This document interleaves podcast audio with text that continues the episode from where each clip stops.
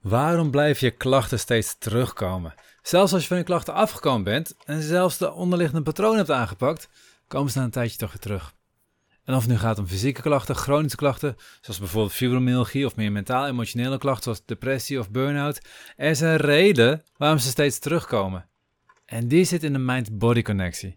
Maar niet zoals je misschien denkt. In deze aflevering leer je hoe je blijvend ervan afkomt, hoe je echt gezond en gelukkig wordt en blijft. Hey hallo, Bas van Pelt hier. In deze podcast wil ik samen met jou kijken hoe je vrij kunt leven. Los van stress en oude patronen. Hoe je de mooiste versie van jezelf wordt en jouw ideale leven creëert. Waarom je, ondanks dat je op een gegeven moment van je klachten af bent, toch weer terugvalt. Waarom je maar niet volledig van je klachten afkomt en ze steeds weer terug blijven komen. En het antwoord is heel simpel omdat jij je identificeert met die klachten die je hebt. Jij gaat op een gegeven moment denken dat jij dat bent, in plaats van dat het alleen maar iets is wat je doet. Weet je waar het probleem zit? We krijgen een label en heel vaak is dat bij de huisarts. En het, het, een huisarts doet ontzettend mooi werk. En het probleem van de huisarts is ook iemand die een expert is op zijn gebied. Die is heel goed in wat hij doet. Dus wij gaan naar een huisarts, we gaan aan iemand vragen die er verstand van heeft. En dan gaat iemand met verstand van zeggen: Ja, ik zie het al. Jij hebt fibromyalgie. Jij bent, nog erger, jij bent depressief. En wat gaan we dan vervolgens doen? We geloven dat. En daar gaat het fout. Ja, die huisarts is ontzettend goed in wat hij doet. Dus hij heeft ook gelijk in de zin van dat is het label wat erop plakken. En wij weten daardoor waar, de, waar we de oplossing kunnen vinden. Maar je moet nooit geloven dat je die persoon bent. Je moet nooit juist het geloven. Je moet juist het wel geloven, maar je moet niet geloven dat jij dat bent ook echt. Je moet niet gaan identificeren met ik ben iemand met fibromyalgie ik ben een depressief iemand. En dan ga je jezelf er vastzitten. En dan ga je op een gegeven moment, stel je voor van die fibromyalgie, vind ik een mooi voorbeeld. Ik ook laatst nog een collega die dat ook heeft ervaren. Ik heb toevallig diezelfde dag een cliënt gehad met diezelfde ervaringen. Op een gegeven moment ga je mee aan de slag. En dan ga je op een gegeven moment niet meer naar de fysieke kant kijken, want dan loop je vast, dan kom je niet verder. Ga je op een gegeven moment kijken naar je emotionele uh, patronen die erachter zitten. De vastende emoties die nog allemaal in je lichaam zitten. Je gaat alle emotionele constricten ga je oplossen. En op een gegeven moment merk je, letterlijk ook wat, wat die ene persoon ook zei, dat je meer energie ervaart dan je ooit in je leven ervaren hebt. Dus je kunt alles weer, je kunt meer dan je ooit gedacht hebt. En hoe ga je daarin gedragen? Nou, heel simpel. Doordat je zo vast zit aan het idee, ik ben iemand met fibromyalgie die momenteel geen klachten meer heeft, ga je jezelf nog steeds gedragen als iemand met fibromyalgie. Dus je zegt tegen mensen, ja, ik kan zaterdag wel afspreken, maar dan moet ik zondag wel vrij houden. Want ik moet op mijn rust letten. Ik moet zorgen dat ik niet mijn grenzen overheen ga. Waardoor jij op het moment dat je maar één afspraak in het weekend hebt en die andere hele rustdag hebt, het prima gaat. Want dat, dat, dat geloof je dat je dat kunt. Maar op het moment dat jij twee afspraken in het weekend hebt, dus zaterdag en zondag iets hebt, en je dus het gevoel hebt dat je over je grens heen zult gaan, ga je van tevoren dan denken van, oh jee, oh jee, oh jee, ik moet wel even opletten, ik moet wel even opletten. Dus je gaat alvast meer spanning opbouwen. Elk klein dingetje wat je voelt, oh ik voel mijn rug een beetje, oh nee, oh nee. Dan ga je in plaats van dat je rug ontspant, ga je rug niet meer aanspannen, waardoor je meer last van krijgt. Je gaat zelf je klachten creëren.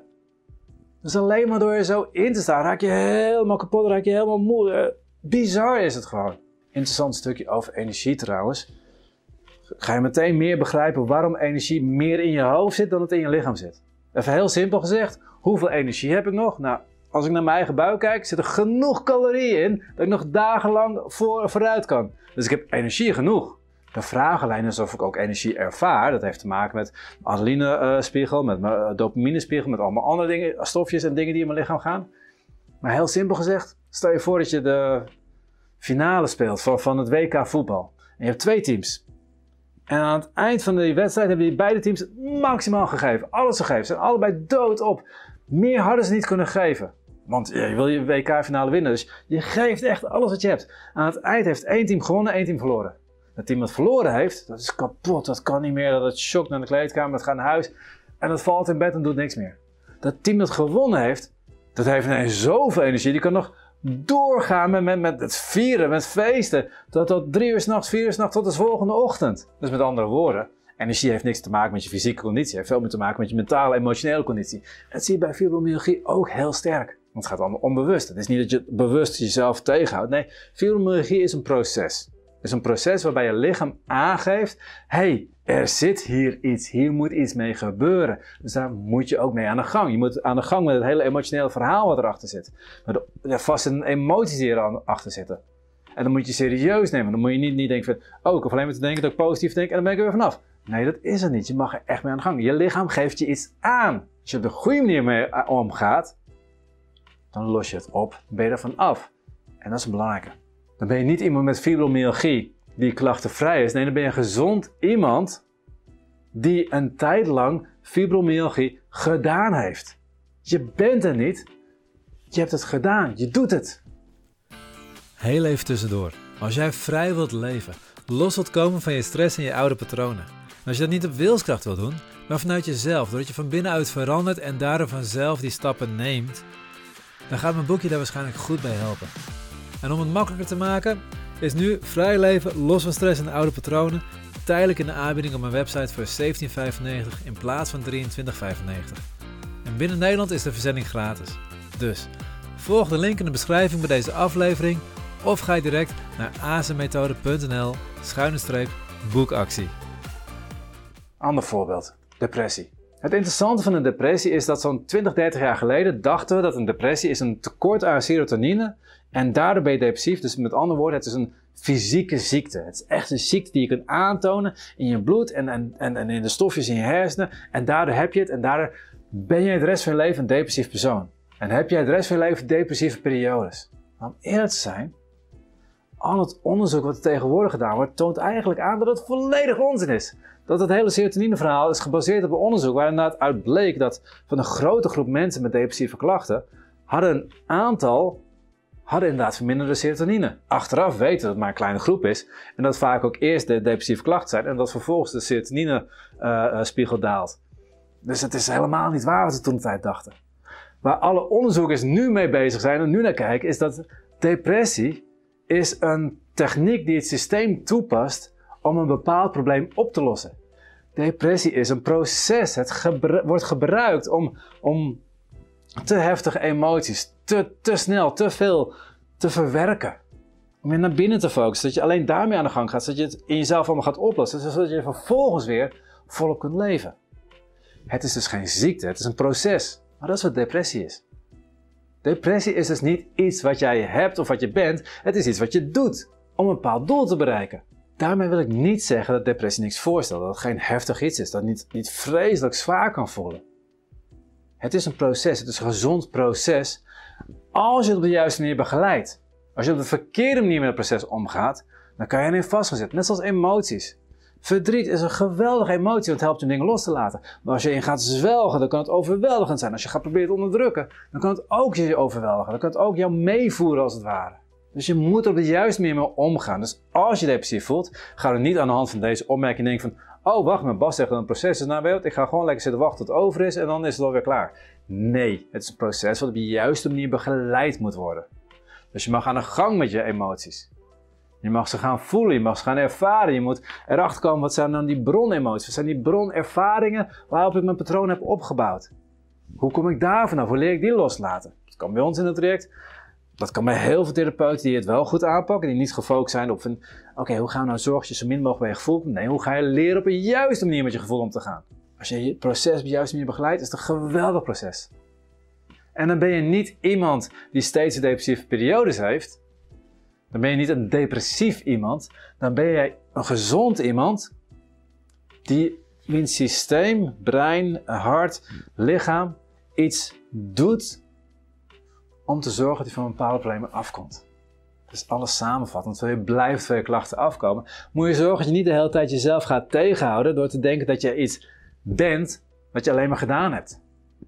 Als je denkt dat je fibromyalgie hebt, dat dat is wat, wat in jou zit, dan ga je altijd jezelf tegenhouden. Je gaat jezelf altijd beperken. Je gaat jezelf klein houden uit angst voor wat als ik over mijn grens heen ga. Grenzen die helemaal niet zijn, maar grenzen die je elke keer weer ervaart omdat je jezelf aanspant. Denkt, oeh nee, oeh, dit is eng, oh, dit is eng. En als je zo staat, is eng, is eng, is eng, dat kost je zoveel energie. Ja, dan is het ook te veel voor je. Net zoals het kleine kindje. En uh, oh, mijn oudste die heeft er soms moeite mee. Die vindt soms dingen zo spannend. Dan gaat hij het zo groot maken in zijn hoofd. En ik ken het van mezelf ook al van vroeger.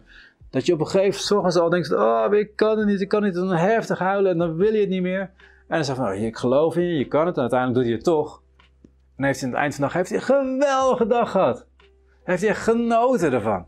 Maar je maakt jezelf zo, zet jezelf zo vast, je maakt zo groot, het wordt zo zwaar, waardoor het zoveel meer energie kost en zoveel emotioneel overweldigend wordt, dat je inderdaad fibromyalgie doet, dat je inderdaad reuma doet, dat je inderdaad chronische rugklachten doet, dat je migraine doet, dat je depressie doet, dat je een burn-out doet. Ik zeg niet dat je het niet moet doen, want soms moet je het doen omdat het een proces is, maar moet je het op de juiste manier doen, zodat je aan het eind van het proces op een goede plek kunt komen.